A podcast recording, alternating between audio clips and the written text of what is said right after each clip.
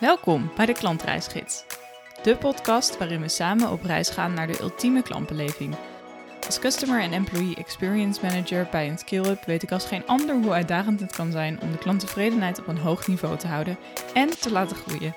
Mijn naam is Sanna de Brouwer en in deze podcast nodig ik experts uit op het gebied van Customer Experience om hun inzichten en ervaring te delen en ons te helpen de klantbeleving naar het hoogste niveau te tillen. Dus pak je notitieboek erbij en laat je inspireren.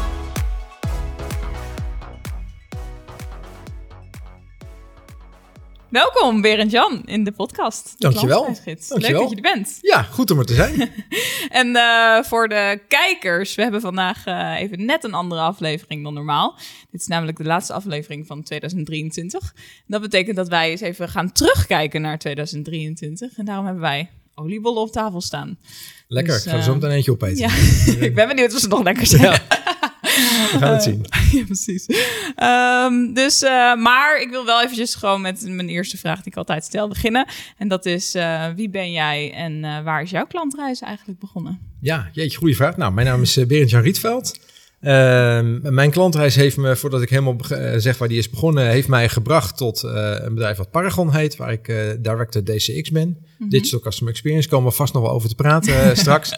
Ehm, ja, mijn klantreis, als ik, even, als ik hem even vertaal van ja, wanneer ben ik nou echt het klantdomein in, binnengestapt? Dat is eigenlijk in mijn tijd bij, eh, bij Schiphol geweest. Waarbij ik vanuit eh, rollen binnen marketing uiteindelijk digitale marketing eh, ben gaan doen, opleiding.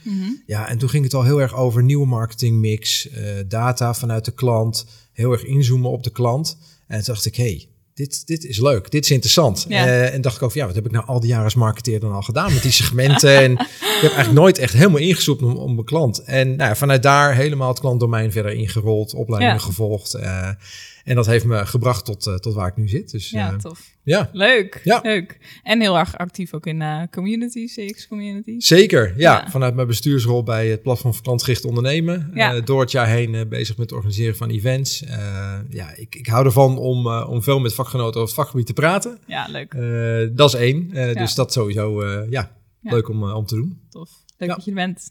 Ehm, ja, dus we gaan het de, de- deze aflevering over eh, 2023 hebben. Ehm, we hebben allebei hierover wat voorbereid. En ehm, we hebben bedacht om eventjes te gaan beginnen met de trends die Ja. waren voorspeld voor 2023. Nou. En we hebben eventjes de trends gepakt van Zendesk. Ehm, dus eh, laten we gewoon lekker beginnen met trend 1. We duiken erin. En eh, ja, let's go. Let's go. Ehm, trend 1 was: AI wordt steeds geavanceerder en naadloos.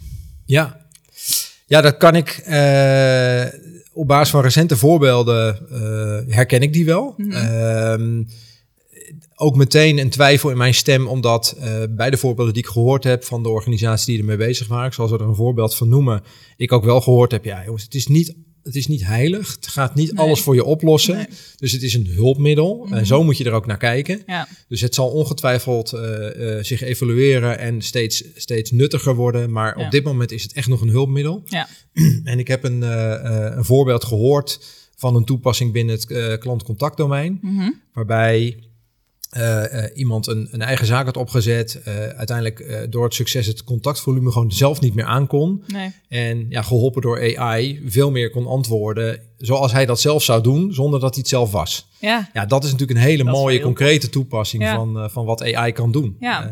En natuurlijk nog veel meer dingen die we de komende tijd van AI nog gaan zien, denk ik. ja, ja. Toch heb ik ook wel het idee, na aanleiding van eigenlijk alle evenementen die er wel zijn geweest. Eigenlijk is overal AI volgens mij wel echt in naar voren gekomen. Dat Ja. er een spreker was over AI of eh, bepaalde dingen. Ja. Dus het speelt, het leeft wel echt heel erg. Maar als je dan ook, eh sommigen deden wel een beetje inderdaad tijdens de presentatie van, hey, wat doe jij eigenlijk met AI? Is toch nog wel 60, 70 procent die er eigenlijk helemaal niks nog mee doet. Ja, klopt. Ja. Ja, je hoort mensen die het dan nou ja, hè, natuurlijk ChatGPT gebruiken Mhm, om, eh, ja. om teksten voor ze te maken en antwoorden op te stellen en Ja. zo. Ehm, maar het is nog weinig breed, echt in de praktijk eh, wordt het echt gebruikt. Toevallig was ik gisteren wel op een event van, een, van Medallia, van Mhm. de Customer Feedback Management Tooling. En Mhm. daar zeiden ze dat ze het al jarenlang gebruiken binnen hun platform. Oh ja, ja, om natuurlijk het aan de geholpen analyses te doen wat er aan klantfeedback binnenkomt en dat soort zaken. Nou. Dat zijn natuurlijk wel concrete ontwikkelingen die er, die er nu al zijn. Maar als je kijkt naar de volle breedte van bedrijven, denk ik, nou, er zijn nog, nog best wel weinig echte hele concrete toepassingen in de praktijk, voor zover ik die heb kunnen zien. Ja, precies. Ja. Ja. ja, ik heb toch het gevoel dat dat in 2024 wel echt nog meer gaat uitbreiden. Dat deze trend misschien iets meer voor 2024 geldt dan voor dat is toch vaak zo, hè? Je hoort, je hoort de trends altijd lang aangekondigd en op een gegeven moment dan, dan komen ze er dan ook, maar dan is er inmiddels al een aantal jaar over gesproken. Nou, dat zal bij AI niet anders zijn, denk nee, ik. Nee, dat dus, denk ik eh, ook. Nee. Eens. Um, trend 2 voor 2023 was uh, consumenten empoweren met gesprekservaringen. Ja, jeetje. Uh, die vind, nou, ik moet even goed kijken, wat wordt er nou precies mee bedoeld? Ja. Maar empoweren met gesprekservaringen. Wat... Uh, ja, meer conversational eh, experiences, denk ik dat ze daarmee bedoelen. Ja. Ehm, ja, nou ja, als je kijkt naar, en dat is denk ik niet een trend die, in ieder geval voor mij, zich specifiek toespitst tot het afgelopen jaar, maar eigenlijk al langer. Hè? Conversational is iets wat je al langer hoort. Um, voortkomend uit dat het voor mensen veel natuurlijker is om vanuit een conversatie geholpen te worden. Ja. Um, ja wat, je, wat je nu uh, uh, terugziet in chatbots en dat soort zaken. Ja, naar die trend kijkende, eh, ook op basis van mijn eigen directe ervaring met chatbots in je hele dienstverlening. Ik vraag me af of mensen er eigenlijk op zitten te wachten. Het is toch mhm. vaak een maatregel die heel veel bedrijven in beginsel nemen vanuit efficiency, vanuit mhm. de shift to digital. En shift to digital hoeft lang niet altijd in te houden dat het voor de klant beter wordt. Mhm. Dus uh, ga maar eens na in je omgeving. Vraag maar eens een paar mensen: zit je echt te wachten op een chatbot? Ik denk dat heel veel mensen toch zullen antwoorden, nou nee, uiteindelijk niet. Ja, het is er, maar ik heb liever een persoon gewoon aan de lijn ja. die ik eens een keer kan doorvragen, ja. zeg maar. Ja. Dus het is een beetje een twijfelgewas dan customer experience gaat. Ja, het is wel grappig, want wij zijn uh, overgestapt vorig jaar oktober van Intercom. En Intercom is echt heel erg gebaseerd op chats en mails uh, vanuit die conversatie inderdaad. Uh, naar HubSpot, omdat we heel erg dat ticket ticketing miste. En ticketing is natuurlijk een woord waar iedereen allergisch voor is tegenwoordig. Ja. maar um, vanuit onze operational excellence hebben wij het juist omgedraaid. Dus wij zijn echt van die conversational naar tickets gegaan, omdat wij daardoor, daardoor zelf meer overzicht hadden en klanten dus beter konden helpen. Ja. Um, maar ik ben wel benieuwd, ja, in, in hoeverre mate het verschil nou is tussen die twee inderdaad. Is nou ja, ik denk dat het wel mooi schetst wat je nu net vertelt over hoe jullie dat dan zien. Uh, er zit altijd een balans tussen uh, maximaal, of nee, dus, dus de customer experience kant aan de ene kant. Ja. En hoe je daar dan vervolgens mee kunt omgaan aan de andere kant. En dat moet ook altijd met elkaar in balans zijn. Want als je ja, te veel doorschiet in het ene, dan kom je met de ander in de knel. Dus het moet altijd met elkaar wel in overeenstemming zijn. Ik denk dat dit er een goed, uh, goed voorbeeld van was. Ja, precies. Ja, ja, absoluut. Ja. En uh, ik weet niet of dat ook een trend was, omnichannel. Nee, want er wordt natuurlijk ook vaak over omnichannel gesproken. Ja. Is dat dan... Uh, dat zien we wel meer, denk ik dat zien we meer. We, ik hoor het nog steeds. Nou, hoe lang is omnichannel al wel niet als term? Al best wel lang. Zeker binnen de marketing ook al. Ik denk dat ik, ik zie dat ook als een belofte die, die ook steeds weer een stukje opschuift in de tijd. Want als je nou mhm. kijkt van, ik weet niet hoeveel bedrijven jij kunt bedenken die echt, echt werkelijk omnichannel doen volgens de mhm. definitie. Mhm. Er zijn maar weinig bedrijven die echt hun klant integraal over alle touchpoints en kanalen kunnen herkennen. Ja. Uh, hè, dus fysiek en digitaal. Mm -hmm. als ik er eentje zou moeten bedenken die volgens mij best dicht, in de buurt komt, dan zou dat Suit Supply zijn, die volgens mij daar best een end mee op weg is. Ja. Maar er zijn toch best wel weinig bedrijven die dat goed kunnen. En dat ervaar je denk ik als klant ook uh, al heel snel, in ieder geval als je er een beetje scherp op bent zal je zien dat als je naar klantcommunicatie kijkt in het algemeen, dan merk je al heel snel, hm, het klopt toch niet helemaal wat ze hier uh, qua tone of voice, of misschien zelfs wel qua aanduiding van met, op wie ze zich richten. Mhm. Dus het lijkt toch nog best wel lastig te zijn. Ja, precies. Ja. ja. Ja, ja. en qua systeem is het natuurlijk ook best wel zijn er daadwerkelijk systemen die dat echt goed kunnen inrichten, zeg maar, dat je van... Ja, dat. Nou ja, dat is denk ik ook, uh, het is niet zozeer een trend, denk ik, maar de ontwikkelingen die je ziet op het moment dat de digitalisering natuurlijk steeds verder toeneemt, mhm. Uh, is business en IT steeds meer tot elkaar veroordeeld. Nou, als je het nou hebt over omnichannel en wat dat betekent voor je data, moet je mhm. natuurlijk heel erg goed kijken naar, ja, welke systemen hebben we nu, welke legacy zit daar nog in en wat zouden we nou eigenlijk willen om die klantdata goed te ontsluiten. Ja. En je hebt de customer data platforms en, uh, en dat soort zaken wel. Ja. Uh, en dat begint nu wel op te komen, maar ja, daar is ook nog een lange weg in te gaan, denk ik, voor een heleboel organisaties. Absoluut, ja. Tegenwoordig moet je van alle systemen allemaal abonnementen hebben en dat er maar gewoon met elkaar integreren om, om het zo goed mogelijke beleving te maken Zoiets. voor de klant. Ja, ja, het is dan in toenemende mate wel allemaal uh, SaaS geworden. Maar dan Ja. nog heb je een... Ja, ergens moet het op de achtergrond met elkaar gaan praten. En Ja, elkaar uh, nou ja, verrijken. Dus dat is nog best wel een uitdaging, Ja, denk ik. precies. Ja, ja absoluut. Ehm, de derde trend was voor 2023. eh, klanten willen graag diepere personalisatie. Ja. Ja, willen, ja, ook dat vind ik ook weer een hele mooie hoe die wordt genoemd. Ehm, eh, eh, dat kent natuurlijk, eh, of natuurlijk, dat kent voor mij twee kanten. Aan de ene kant, ja, daar waar het je ontzorgt, daar waar het je helpt, daar waar je er als klant waarde van ervaart, zeker. Eh, een mooi voorbeeld vind ik van Stefan Bellegem. Had dat verhaal over de oxpecker on the back of the rhino. Dat gaat over een vogeltje, eh, de oxpecker, die dan eh, eh, altijd leeft op de rug van de neushoorn. En Ja. daar meer aanwezig is op het moment dat, hij, dat er vliegen op zijn huid zitten en die moeten even opgegeten worden. Dus dat is heel nuttig en heel fijn.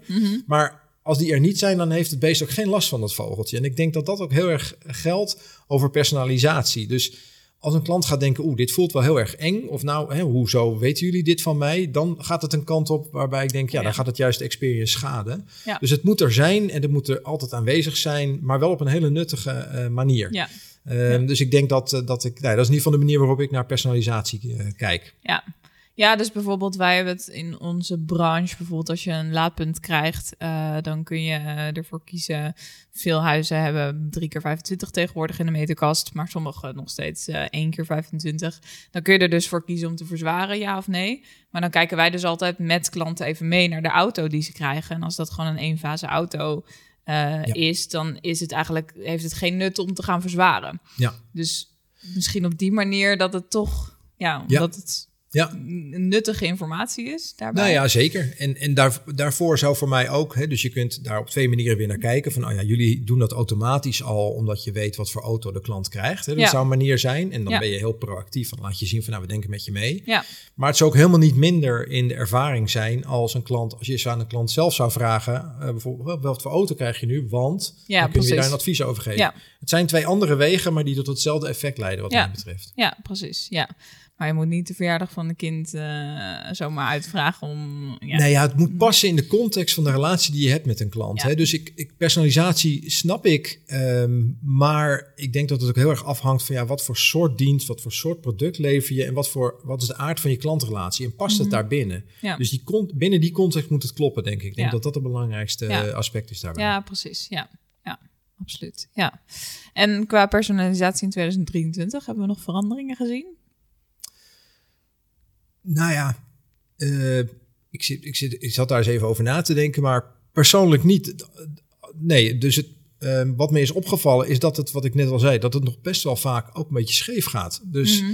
Dat het toch nog best lastig is voor een heleboel bedrijven. Ja, Ook al omdat daar natuurlijk eh, overheen hangt de, de privacywetgeving en ja, het feit dat daar heel zorgvuldig met moet, mee moet worden omgesprongen, wat natuurlijk heel begrijpelijk is. ja, Ehm, dat er ook maar niet alles maar weer in mogelijk is. En Nee. dat is misschien maar goed ook. ja, Eh, dus in die zin wordt personalisatie ook nog best wel een uitdaging steeds meer. Ja. Eh, omdat ja, mensen moeten echt wel consent geven hè, voor het gebruik van hun data voor allerlei doel, eh, doeleinden. zeker. Ja. Ja, en eh, binnen die context is, is het dus heel lastig om, eh, om steeds verder te gaan met personalisatie. ja, precies. Ja, ja absoluut. Ja. Ehm, dan hebben we trend 4. Het welzijn en sentiment van de consument veranderen de customer experience. Ja, ja ik denk dat. eh, dat kan ik zeker onderschrijven. Ik denk dat dat ook een trend is die je al wel langer ziet. Hè? Dus Ja. het verhaal daarachter was in de voorgaande jaren al. Eh, je, je dienstverlening wordt over sectoren vergeleken. Ja, Eh, dat is Ja, één. Eh, dus je wordt vergeleken hè, met, een, met een totaal ander bedrijf. Ja. maar ja, dat is nou helemaal de ervaring die mensen meenemen. Twee, ja. geholpen door technologie, geholpen door AI als, te- als technologie, gaan mensen hun verwachtingen ook steeds hoger stellen. Dus Mhm. ja, en daarmee het onbegrip dat mensen hebben van ja, eh, eh, waarom kan jij dat dan niet? Mhm. Een mooi voorbeeld is toen ik eh, bij Schiphol werkte, dat ehm, ja, het is een bizar complex proces om mensen elke dag weer die, in die aantallen, en ook vaak met pieken, op tijd bij een vliegtuig te krijgen. Mhm. En daar komen zoveel verschillende aspecten bij kijken. Maar ja, het complete onbegrip bij mensen als ze enige vertraging hebben, wat natuurlijk heel vervelend is. Hè? Ik bedoel, dat, is, dat, is, dat staat buiten kijf. Maar ja, als je dan een keer probeert uit te leggen, ja, maar het is echt heel complex, want ja, nee, nul begrip. Moet gewoon op tijd met mijn vliegtuig. Nou, Ja. vond voor mij wel een mooi voorbeeld van hoe je er twee op twee totaal andere manieren naar kunt kijken. Ja, precies. Eh, ja. ja, en je hebt gewoon te leveren, want dat is wat mensen verwachten. Dus Ja, zo werkt het nou eenmaal. Ja, ja, maar is het niet gewoon sowieso ehm, een trend wat eigenlijk wat, wat continu meer. Want ja, daar hadden we het in de voorbespreking natuurlijk al een beetje over. Je, je hebt zoveel begrippen binnen customer experience. En het begrip customer experience verandert ook af, Ja. best wel door de jaren heen, zeg Ja. maar. Dus waar het eerst altijd klantenservice was, is het nu al helemaal customer experience. En gaat dat over, dat is ook trend 5, over alle silo's heen eigenlijk. Ja, Ehm, en, maar het welzijn en het sentiment van de consument, dat wordt gewoon steeds belangrijker. Omdat, Zeker. omdat we ons steeds meer gaan focussen, omdat we dat steeds meer zien als een onderscheidende eh, ja, USP eigenlijk bijna. Ja, je zou die zelfs nog een beetje door kunnen trekken. Dus als het, als het gaat over een aspect als welzijn, Mhm. dat zit natuurlijk best wel, eh, dat gaat voorbij, eh, als je dat even zo wil zien, aan de normale commerciële relatie die je hebt met een klant. Hè? Mhm. Dus nou ja, dat is natuurlijk, ik kan me voorstellen dat het een thema is bijvoorbeeld bij verzekeraars, die eh, natuurlijk ook op zoek zijn naar hoe ga ik nou een meer waardevolle invulling geven aan de relatie die ik heb met mijn klanten, omdat ze per definitie best wel weinig contactmomenten hebben met klanten, Mhm. kan ik me voorstellen. Aan je Mhm. polis en als er een keer wat gebeurt, dan Ja. wel. Ja. Maar natuurlijk normaal gesproken niet. Maar wat je ziet is dat er bijvoorbeeld ge- gezondheidsverzekeraars ook, natuurlijk ook inspelen op mensen echt te informeren over gezonde leefstijl, over Mhm. gezonde voeding. Ja. Eh, vanuit een soort hoger doel om, om, om daar een beetje mee te helpen. Natuurlijk zit daar ook preventie achter. Ja, Maar ja, op die manier met een klant een conversatie aangaan, zit er ook inderdaad in ja, klantenwelzijn hè, Ja. als aspect. Dus Ja, ja, ik kan me voorstellen. Ook, ja, en ook daarin, nogmaals, dat hangt weer heel erg af van, van welke, welke klantrelatie je hebt of zou willen hebben met je Mhm. klant. ja. Eh, en, en datgene wat je levert. Het is natuurlijk bij niet voor elk product eh, ook maar even logisch dat dat zo is. Maar Mhm. het is wel interessant om te zien hoe zij er al over aan het nadenken Ja. zijn. Ja, precies. Ja. Ja, in onze industrie doet het me heel erg denken aan, aan hoe duurzaam een klant wel of niet wil zijn. Want het is natuurlijk, we hebben klanten die, waar het een soort van wordt opgelegd dat ze Mhm. elektrisch gaan, gaan rijden en het liefst gewoon benzine willen rijden. Ja, En je hebt klanten die het heel erg en die heel erg enthousiast erover zijn. En daar kan je, ja, daarin heb je natuurlijk ook weer een, een bepaald sentiment waar Zeker. je op inspeelt. Ja, nou, en wat ik ook interessant vind nu we dat hier over dit onderwerp hebben, en wat ik niet in de trends heb teruggezien, is het, eh, het ecosysteem denken. Hè? Dus wat je nog steeds veel ziet in de markt, eh, wij zitten dan in een B2B-markt. Ik heb veel in B2B gewerkt, ook in customer experience. Eh, maar dat geldt net zo goed voor B2C. Wat je veel tegenkomt is dat toch bedrijven vanuit hun eigen positie in die hele keten aan het kijken zijn hoe ze de customer experience voor hun klanten kunnen optimaliseren. Ja, Terwijl als je even op een wat hoger niveau vanuit een keten gaat denken, dan ligt de waarde die je uiteindelijk aan klanten kunt leveren misschien wel op een niveau die je zegt, ja, maar dit kunnen we alleen doen als we heel goed gaan samenwerken met de partners in ons ecosysteem. ja. En dat betekent misschien even over je eigen schaduw heen stappen. Ja. Maar als je hem echt vanuit de klant pakt, nou, om even weer in het voorbeeld van Schiphol te spreken. Mhm. Het gaat uiteindelijk om een, om een klantreis, letterlijk, om Mhm. een reizigersreis. ja. Eh, die gaat over een stukje luchthaven, maar toch vooral over een lange reis in het vliegtuig. En Mhm. misschien nog eh, een reis naar de luchthaven toe. Ja, als je dan kijkt van ja, wat zou voor de reiziger ultiem waardevol zijn, is eigenlijk als je over al die silo's heen kunt adviseren en kunt Ja. begeleiden in het proces. ja Dus dat betekent dat je heel daarover moet nadenken eigenlijk en niet zozeer over ja, per se je eigen rol in, die, eh, in dat ecosysteem. Nee, precies. Ja, ja. Hebben we dat eh, in 2023 ook meer gezien? Ik denk het wel, hè? Want de laatste trend is namelijk ehm, CX-teams breken de silo's af. Ja, Dat is natuurlijk binnen de organisatie, maar ik denk ook inderdaad buiten de organisatie. Dus voor klanten, en ik denk, ik zat al stiekem een beetje te kijken naar de trends voor 2024. dat is ook iets wat, wat voor klanten steeds belangrijker is. Echt die, je gaat naar een bedrijf omdat die bepaalde, aan bepaalde waardes voldoet die jij zelf ook heel erg voelt. Mhm. Ehm, ik vind het heel belangrijk eh, dat een bedrijf duurzaam is. Dus als ik, eh, een, een, ja, als ik een kapper zoek of zo, dan, dan vind ik het belangrijk dat hij bijvoorbeeld duurzame producten gebruikt. Ja. Ehm, ik denk dat dat ook heel erg. eh, ja, het voorbeeld wat jij noemde, inderdaad, dat je echt over dat hele ecosysteem kijkt. ja. Ehm, Ja. En ik denk echt wel dat dat in 2023 wel echt is gestart. Je ziet zeker daar goede voorbeelden van. Ja. Ik denk dat het eh, nog wel een onderbelicht eh, item is. Dus je, eh, nou, ook binnen de digitale wereld zie je dat het, dan gaat het heel erg over platformen. Hè. Eh, en platformen die dan tussen een aanbieder en een vraag zitten. Nou, dat heeft ook al zoiets in zich. Ja. Maar waar het ook veel meer over gaat, je vindt het binnen Service Excellence, het Service Excellence gedachtegoed, Mhm. waar ik heel erg fan van ben, vind je het ook wel terug. Daar zit een specifiek modelletje in, wat heel erg gaat over samenwerking met partners. Van, hè, van een klant-leverancierrelatie tot Ja. en met echt partnerschap op basis Ja. van ge- gezamenlijke doelstellingen. Ja. Ja, en, en er zijn best wel wat stappen te maken voordat je echt eh, als twee partijen met ieder een commercieel belang vanuit een gezamenlijke doelstelling werkt om een klant uiteindelijk beter Ja. een betere dienstverlening te geven, een betere experience te bieden. Ja. Ja, daar moet, zijn best wel wat dingetjes voor nodig. Er moeten best wel even wat dingen overwonnen worden. Zeker. Maar ja. het is wel super interessant, denk ik. Eh, nou ja, op basis van dat voorbeeld vanuit Schiphol wat ik net gaf.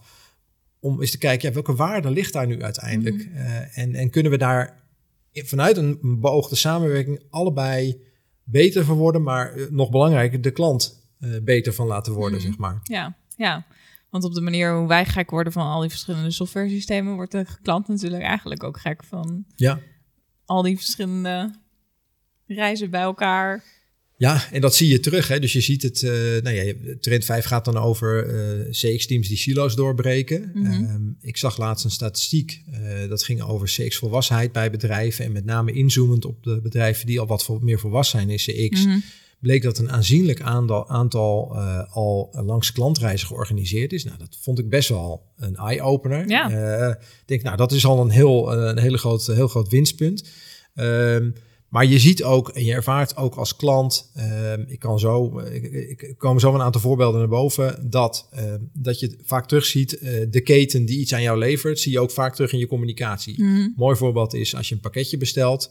Eh, dan heb je natuurlijk aan de ene kant eh, nou, het platform waar je dat pakketje bestelt. Maar er zit er ergens, komt er dan ook nog een communicatie vanuit eh, de, pakketleverancier of de, de, Ja. de bezorger. Ja. En die hebben allebei dan een eigen communicatie richting de klant. Vanuit de klant is het natuurlijk best wel raar eigenlijk. Ja. Je denkt, ja, ik, ik heb hem ergens besteld. En dat is dan mijn point of contact. Precies. En dan komt dan weer een aparte. En nou ja, als je geluk hebt, is dat een beetje op elkaar afgestemd. Als je pech hebt, niet. Dus Nee. dan krijg je ook een mixed signals en dan ben je als klant helemaal in de war. ja, Ehm, dus daar valt volgens mij ook nog een wereld te winnen. absoluut. Ja. Wij vinden dat ook heel herkenbaar, want wij, hebben, wij krijgen zeg maar klanten via bijvoorbeeld leasemaatschappijen. En dan, dan worden ze dus overgedragen aan Blue Current. Ehm, maar wij zetten een externe installateur in. Wij, hebben niet zelf, wij zijn niet zelf ook installateur.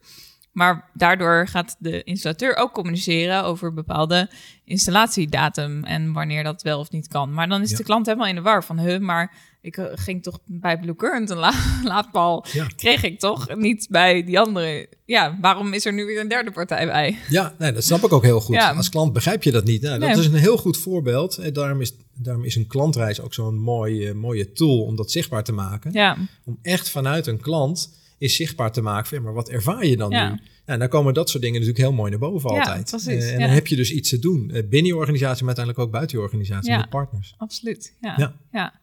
En eh, silo's verbreken binnen de organisatie. Ehm, wat zien we daar dan gebeuren?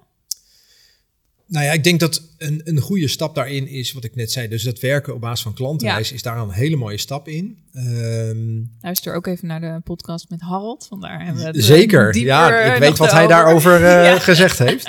Ehm, mijn observatie eh, van de afgelopen nou, twee jaar is dat bedrijven hebben natuurlijk jarenlang zijn ze met CX bezig geweest. Nou, Mhm. CX, eh, als je even de zes pijlers neemt als het hele framework van Forrester met ook CX-strategie, begrip, governance, eh, cultuuraspecten erin. Ja. Dan zie je dat bedrijven over de afgelopen jaren nou, met, met eh, wisselend succes eh, daar dingen in hebben gedaan. Maar wat je in toenemende mate begon te horen vanuit eh, senior management was... ja, we hebben heel veel effort gestoken in ons weten van onze CX. We Mhm. hebben een NPS geïnstalleerd. Maar we zien die NPS eigenlijk bijna niet ver- ver- verbeteren. Ja. Ehm, dus er gaat heel veel effort in. Maar wat brengt het nou uiteindelijk op? Dat, Ja. was, wat, dat werd steeds sterker. Ja. En de laatste twee jaar zie ik in ieder geval dat bedrijven er, ja, ik, noem het, ik noem het een versmalling. Zo is het misschien niet helemaal bedoeld, maar eigenlijk hebben we gezegd, ja, maar laten we ons nou eens concentreren op die klantreis. Dus van het in kaart brengen überhaupt en het aan de muur hangen tot Mhm. eh, het zien als een tool van waaruit je kunt werken, die je moet managen, waar je eigenlijk Mhm. op kunt, vanuit kunt sturen. Ja. Ehm, ja, en daar is iedereen nu al dan niet geholpen door speciale tooling eh, echt op ingesprongen. En Mhm. wat dat mee- meebrengt is dat je, je je transformatie naar meer klantgerichtheid kun je, kun je heel klein maken en kun je per stukjes journey eigenlijk gaan inrichten. Ja. Dus je pakt steeds een klein stukje journey eh, en gaat daar maar eens even die verandering en dat management op loslaten. Ja. Zonder dat je per definitie ook meteen je hele cultuur en je hele leiderschap Mhm. moet meenemen. Ja. Moet ook, maar laat eerst maar eens zien op een klein stukje wat het kan en wat je kunt leveren, wat je kunt realiseren. Precies. En Ja. dan wordt dat uiteindelijk een driver achter de grotere beweging. Ja, Dus dat zie ik in ieder geval de laatste, sinds een jaar of twee eh, heel sterk gebeuren. Ja, ja, heel tof. Zeker in grote logge organisaties. Zeker daar. Ja, Ja, en er zijn natuurlijk allerlei varianten te bedenken op hoe je dat dan doet. Ehm, nou ja, ik heb voorbeelden gezien van organisaties met echt dedicated customer journey teams. Mhm. Ehm, al dan niet als een virtuele organisatie of misschien voor een deel virtueel. De uitdaging blijft. Dus als je vanuit klantreizen gaat werken, dan heb je altijd een, ja, ik noem het altijd een interface nodig tussen een klantreis als iets horizontaals over je hele organisatie heen. Mhm. En nou eenmaal de functionele afdelingen, rollen Ja. die binnen die organisatie zitten. Ja. Daar moet ergens een verbinding tussen worden gemaakt. Mhm. Ja, en dat is, dat is uiteindelijk waar de uitdaging ook vaak ligt natuurlijk. Ja, precies. Ja. Ja. Ja. Ik had het in de vorige aflevering over eh, welke KPI's je dan eh, nodig hebt, zeg maar, om soms ook het managementteam te overtuigen. En daar hadden we het ook in, ja, da- daar, je moet gewoon echt focussen op, oké, wat is je doel dan binnen dat kleine stukje wat je net noemde, binnen dat kleine stukje klantreis wat je wil verbeteren. Ja. Daar gaan we gewoon even de komende drie maanden op focussen. Wat is dan ons doel en wat zijn dan de KPI's die daar dan weer bij horen? Ja, nou ja, en dus ook even als bedrijf voor kiezen om dat stukje waar dat dan moet plaatsvinden ook echt eh, te empoweren om dat dan ook te gaan doen. Ja. Dus dat vraagt ook gewoon, ja, dat is natuurlijk de, de, de, het punt wat je altijd hoort. Van, ja, moeten we dit dan ook nog erbij gaan Ja. doen, hè, bovenop ons normale werk? Nou, Ja.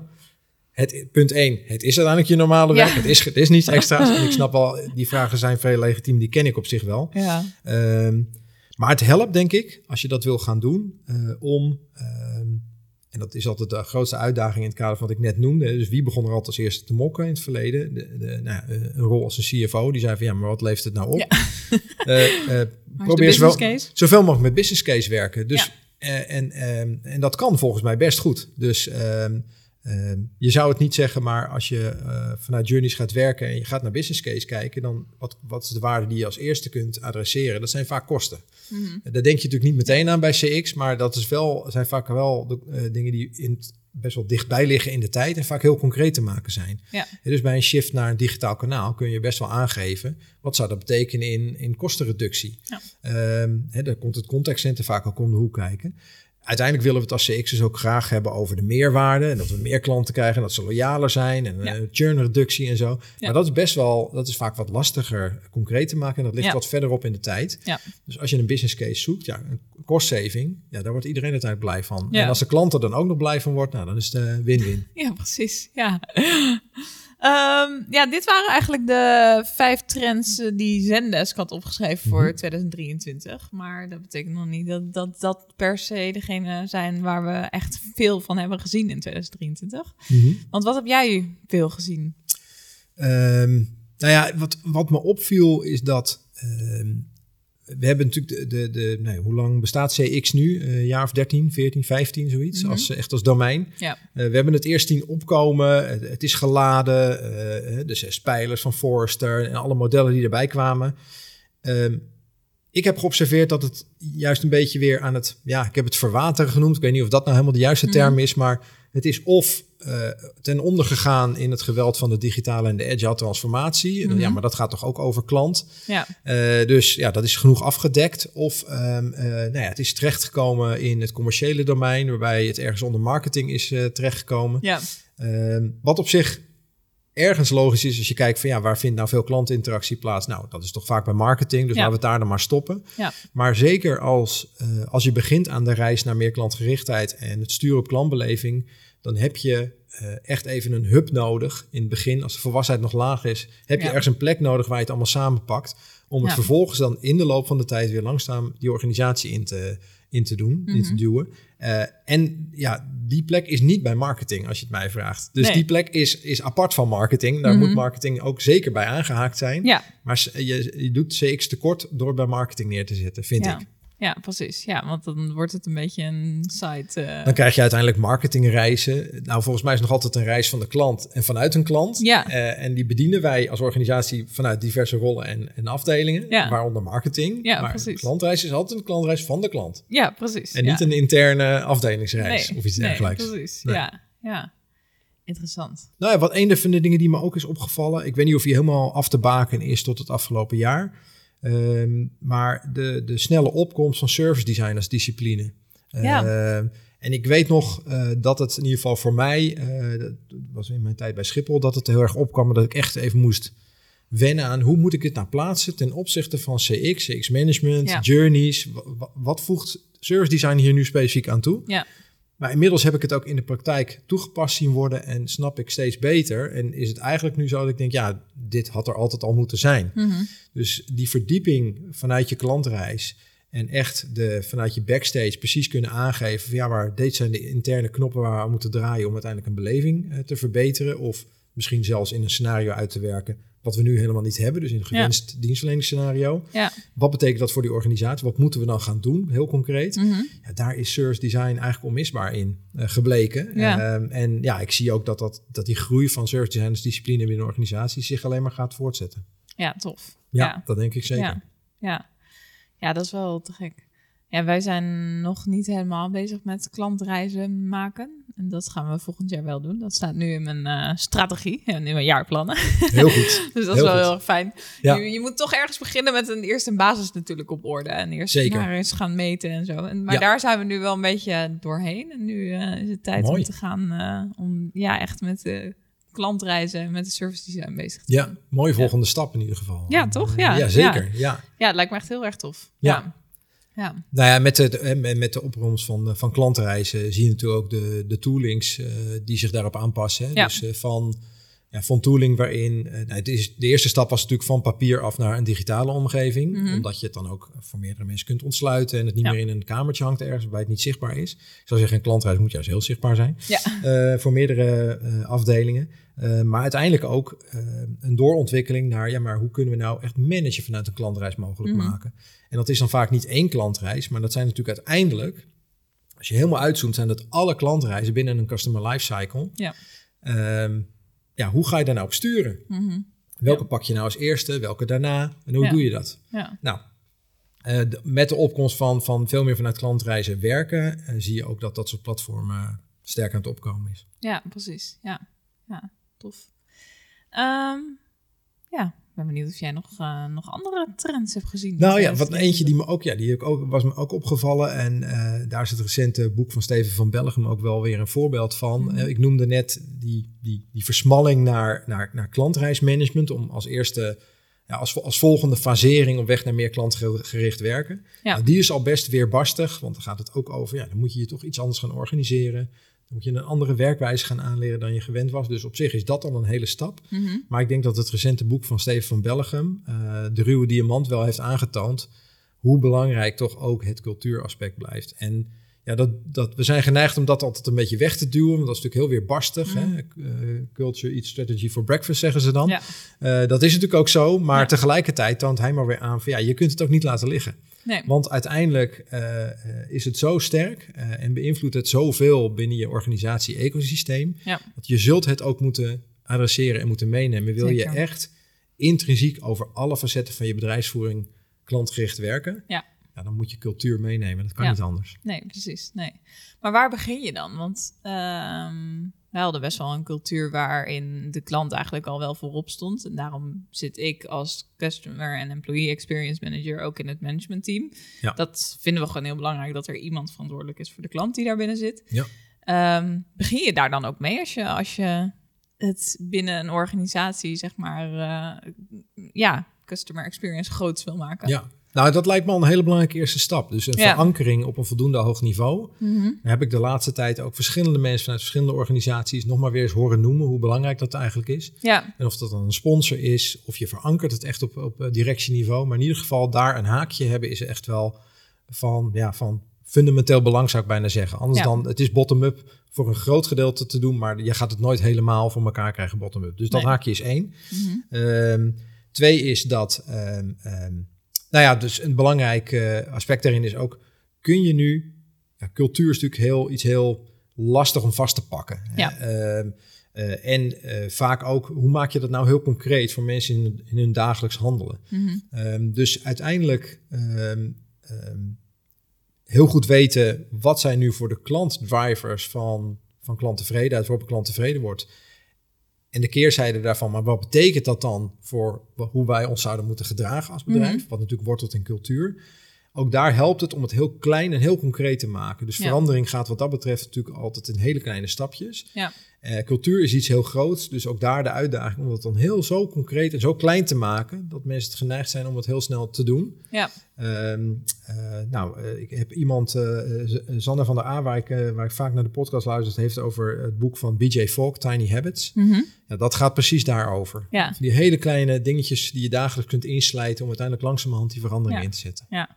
Ja, bijvoorbeeld, ik was begonnen, maar dat heb ik niet helemaal volgehouden. Ehm, wij hebben een wekelijks overleg op maandag met de- het hele bedrijf. Ehm, om daarin dan een klantverhaal bijvoorbeeld te delen. En eh, een wekelijkse nieuwsbrief heb ik met het, eh, voor het klantenservice team... om ook daarin klantfeedback te delen. Ja. Eh, eigenlijk zijn dat kleine dingetjes om mensen maar een beetje te programmeren. Van kijk, dit, dit vinden wij echt belangrijk. Ja. Vervolgens doe ik het niet, maar... En die stem van de klant laten horen is natuurlijk ook een eh, vitaal onderdeel Ja. van die cultuurbeïnvloeding. Ja. Ehm, nou, en wat ik ook nog daaraan toe wilde voegen is, ehm, we hebben het er eh, voordat de podcast begon ook nog even kort over gehad, eh, om heel helder en heel concreet met elkaar op tafel te leggen, wat is nu precies customer experience en wat is dan klantgericht? Ja. Hè, want ik heb meegemaakt in, mijn- in mijn jaren dat ik nu binnen dit domein actief ben, dat er heel veel werd gesproken over customer experience, maar dat je toch uiteindelijk later bleek dat je een totaal andere interpretatie Ja. had van dat wat het was. Dus ja. ik zei net van ja, je kunt aan tafel elkaar de hand schudden van nou, customer experience, dat gaan we doen. En dan Ja. de deur uitlopen en een totaal andere kant op gaan. Ieder met zijn eigen begrip van de waarheid. Mhm. Eh, dus het helemaal goed uitkouwen van ja, maar wat bedoelen we dan precies? Mhm. En wat bedoelen we dan precies bij ons? Hoe is dat voor ons dan? Ja. Ja, het helpt heel erg om dat zo kristalhelder eh, en eenduidig te maken, zodat daar Ja. geen licht meer tussen kan nee, zitten. nee, Dan zodat wordt alles marketing niet het op een andere manier eh, gaat Exact. toepassen. Exact. Ja. en iemand kan natuurlijk van nature best wel klantgericht zijn en, en de klant al heel persoonlijk en goed tegemoet treden. Ja. En dat is op zich al heel mooi, want dat is Mhm. blijkbaar dan een profiel wat je graag wil hebben. Ja. Eh, maar uiteindelijk, als je echt wil managen, je klantbeleid wil managen, ja, dan moet het toch passen bij de rest. En dan moet Ja. het eenduidig zijn met de rest. Ja, en Ja. dan is wat handvat en wederzijds begrip in dat wat het moet zijn, is daarin Ja. super belangrijk. Ja, precies. Ja. Ja. ja, want ik legde jou inderdaad net uit van eh, dat ik eh, heel veel tips kreeg van oké, eh, jullie hebben een hele vrije cultuur, maar maak kaders. En dat ik zei, ja, hoe, hoe moet ik in godsnaam kaders maken? Want Ja. het is een leuk begrip, maar wat zijn kaders dan? En inmiddels heb ik het dus wel een beetje opgeschreven in de Customer Experience strategie. Maar toen gaf jij inderdaad als tip, ga langs iedereen. Ja. Ga elk detail, elk woordje wat daarin staat uitpluizen. Want anders dan heb je alsnog straks ehm, dat het niet helemaal begrepen wordt. Ja, nou ja, je noemt strategie, maar ja, ga maar eens vragen aan een aantal collega's wat hun definitie van strategie is. Daar kun je Ja. ook een, hele, een heel gesprek over hebben met elkaar. Voor de waar. een is het heel hoog over, voor de ander is het heel concreet. Ja. Eh, eh, de een denkt, nou, daar staat toch dat en dat in. En jij denkt, van, ja, maar nee, dat staat, er staan hele andere dingen in. Ja, Nou, alleen daarover kun je het al heel erg oneens zijn, zonder dat je het heel erg misschien beseft. Dus dat is ook super belangrijk om gewoon heel duidelijk te maken van ja, een, een CX-strategie zoals wij die definiëren, daar staat dit en dit en dit in. ja Dat is al een heel mooi begin. ja, nu ben ik echt eh, drie jaar bezig met mijn hele kaders, volgens mij. Ja, die tijd pak je later wel terug. Als het, eh, hoe duidelijker Ja, het aan het begin waar. is, hoe meer, hoe Alleen- minder, ja. Ja, klopt. Alleen wij zijn wel natuurlijk een skill-up en alles verandert heel snel. Dus eh, wat vandaag zo gaat, kan morgen weer anders gaan. Ja.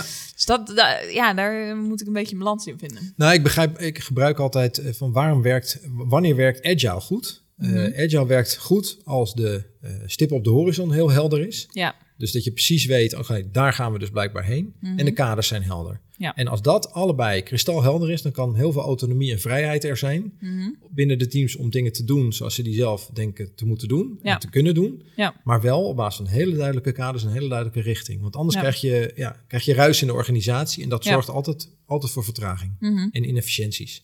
Dus hoe helderder dat is, hoe sneller het gaat uiteindelijk, denk ik. ja, precies. Ja. ja, absoluut.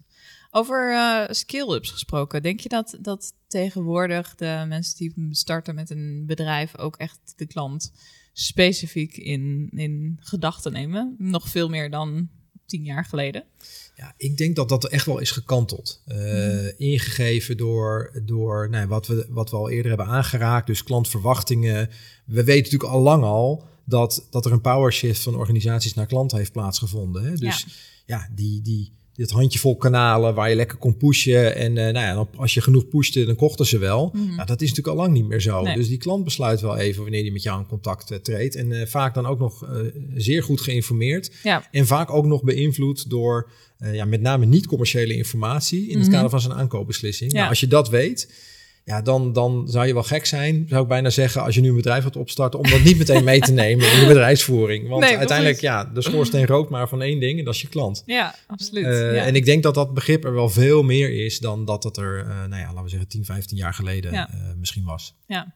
ja, dat komt denk ik ook wel door dat er zoveel bedrijven in bepaalde branches zijn natuurlijk. Je, als je een bedrijf start, dan ben je niet meer helemaal de enige. Omdat, omdat we zo aan het globaliseren zijn geweest en aan het digitaliseren, Ja. ehm, is het ook unieker als je een unieke beleving hebt daarin. Nou, zeker. Ja. Ja. Ja. en digitaal lijkt dan ook zo'n toverwoord, hè? digitalisering. En eh, je hoort het natuurlijk overal. Aan de andere kant, vanuit Customer Experience bekeken, eh, zal jij misschien ook wel gezien hebben. In ieder geval, ik zag in een onderzoek hoe belangrijk het menselijk aspect toch blijft. Mhm. Eh, als werkelijk onderscheidende waarde Ja. binnen het hele digitale geweld. Dus digital heeft natuurlijk veel goeds gebracht. Aan de andere kant is het ook iets wat ja, eigenlijk bij, bijna hygiëne is geworden en, Mhm. en niet meer werkelijk onderscheidend is. Nee, En dan kun je natuurlijk wel kijken naar personalisatie. Nou, daar hebben we het over gehad, hoe dat eh, werkt. Ja. Maar de factor mens is een niet te onderschatten eh, onderscheidende factor in, in de totale klantbeleving. zeker. Ja, kun je er wel allemaal chatbots tegenaan gooien. Maar... Nou ja, precies. Maar uiteindelijk eh, een mens aan de lijn met, met de Ja. warmte en de empathie die dat met zich meebrengt, is toch super belangrijk. Ja. En ja, Ja. hebben we ook het haakje met cultuur weer te pakken. Ja, precies. Ja. Terwijl er natuurlijk ook bedrijven zijn. je hebt natuurlijk de mooie vergelijking KLM en Ryanair. waarbij Ryanair gewoon heel erg op het product en op de profits gaat zitten. En Ja. daar de klant eigenlijk heel erg achter stelt. Maar alsnog Ja. wel succesvol is. Zeker, maar dat, eh, dat is interessant dat je die noemt. Ehm, als ik wel eens met anderen praat over customer experience en hoe dat dan werkt, eh, dan komt elke keer in ieder geval bij mij weer bovendrijven eigenlijk is verwachtingen, klantverwachtingen zijn eigenlijk zo, is eigenlijk bijna wel de belangrijkste knop. En waarom Ja. zeg ik dat? Omdat verwachtingen bepaalt, bepalen hoe je iets ervaart. Mhm. Want als jij als Ryanair, eh, nou, ik zeg maar, als je als, als, als meer premium klant bij Ryanair eh, eh, een ticket gaat kopen en je neemt jouw verwachtingen mee die je hebt van elders naar iets wat je vanuit Ryanair geleverd krijgt, ja, dan Mhm. krijg je waarschijnlijk een discrepantie. Mhm. Tegelijkertijd is het ook de andere kant op een middel om heel goed mee te sturen. Hè? Bijvoorbeeld in je marketing, in je, in je uiting, in je communicatie kun je ook heel erg spelen met die verwachtingen. Ja. Eh, en uiteindelijk kun je eh, daar op zo'n manier mee spelen dat je eh, bijvoorbeeld de verwachting misschien ietsje lager in beginsel stelt Mhm. en daarop overperformt en daardoor Ja. heel verrassend bent. Zeker. Dus het is een heel belangrijke differentiator in, in customer experience management. Absoluut, ja. Ja. Ja. wij zeggen altijd eh, binnen ons, binnen Blue Current is een van de waarden, zeg maar. Klantbeleving is de realisatie minder verwachting. Of customer happiness eigenlijk is de realisatie minder Ja, verwachting. Ja. Ehm, dus dat houden we, ja, dat moet je gewoon altijd in je achterhoofd houden als je Zeker. bepaalde Ja. mailtjes stuurt naar klanten Ja. en bepaalde dingen belooft. Zeker. Nou ja, Ja. dit is ook nog best wel weer best wel lastig om, om echt inzicht te krijgen in die verwachtingen. Want dat Mhm. vraagt best wel wat van je klantinzicht. Wat verwachten Zeker. mensen nu daadwerkelijk? Ja. Ehm, eh, nou, een mooi voorbeeld eh, is wat daar wat meer eh, invulling aan geeft, bijvoorbeeld de job to be done. Hè? Mhm. In het kader van wat verwacht je nu? Wat, wat wil je nu daadwerkelijk? Ja, Ehm, jaren geleden zei iemand een keer, eigenlijk is het meest krachtige van, van customer experience is vanuit een klant begrijpen wat ik wil. Mhm. Als je daar eens goed over na gaat denken, hoe moeilijk dat wel niet moet zijn voor een organisatie Ja. om een klant echt te begrijpen wat Zeker. een klant wil, dan moet je best wel veel, veel van iemand weten, van Ja. de context van iemand, om te begrijpen wat iemand wil. precies. Maar uiteindelijk ligt daar wel de meerwaarde. Ja, precies. Ja. Ja. Ja, we denken wel dat we allemaal weten eh, Ja. wat de klant wil. Maar eh, uiteindelijk als je het hem vraagt, dan eh, komt het toch weer op andere... Precies. Nou ja, over trends. We hebben het vandaag over trends. Nou ja, een van die, van die begrippen die ook maar terug blijft komen is de 360 graden klantbeeld. Ja. Dat vind ik ook zo mooi. Ja, ik denk niet dat het bestaat überhaupt. En zeker niet bij bedrijven, omdat een klant bestaat nou eenmaal... Ik heb een keer een percentage gehoord van, van de 360 graden. Hoeveel ehm, eh, zit een klant nu echt bij, in jouw database? Nou, volgens mij was het iets van 80% of zo. Mhm. De rest ja, bestaat hij niet in jouw database, maar heeft hij gewoon een heel leven daarbuitenom. Ja, Dus 360 graden is volgens mij ja, een illusie. Eh, Mhm. en je kun je alleen maar je best doen op basis van wat je, wat je zelf weet en daar slim mee omgaan. ja, Eh, maar dat is natuurlijk uiteindelijk als je echt de klant werkelijk wil begrijpen. Ja, dan moet je ook begrijpen dat er een hele context buiten jou, buiten wat jij ziet als organisatie, Ja. eh, vanuit de klant zich bevindt. En dat een klant dus dat wel allemaal meeneemt naar ook zijn interacties met jou als organisatie. ja. Dus dat zijn Ja. wel allemaal belangrijke dingen. Ja, precies. Ja, als een klant net een kind heeft gekregen, dan zit hij in een hele andere fase. En dan wil je gewoon dat het laadpunt laat. En in plaats van dat een klant gewoon heel relaxed is, geen stress heeft. En dan vraagt hij nog even wat extra van, oh ja, maar hoe werkte dat dan ook alweer? Nou, ik denk dat dat al een heel mooi voorbeeld is. Ja, hoe Mhm. ontvankelijk ben je voor informatie? Op wat voor moment? Dat is denk Ja. ik heel mooi om daar, om daar meer inzicht in te krijgen. En ik kan Ja. me heel goed voorstellen dat als je ja, inderdaad net een, eh, net een kindje hebt gekregen, dat je nachten en je dagen sowieso aardig, aardig door de war zijn en vol zitten. Dat je niet eh, denkt van ik ga die brochure voor mijn laadpunt ook nog eens even uitgebreid. Maar dan eh, ligt Nee. je behoefte op een heel ander vlak. Ja, precies. Ja.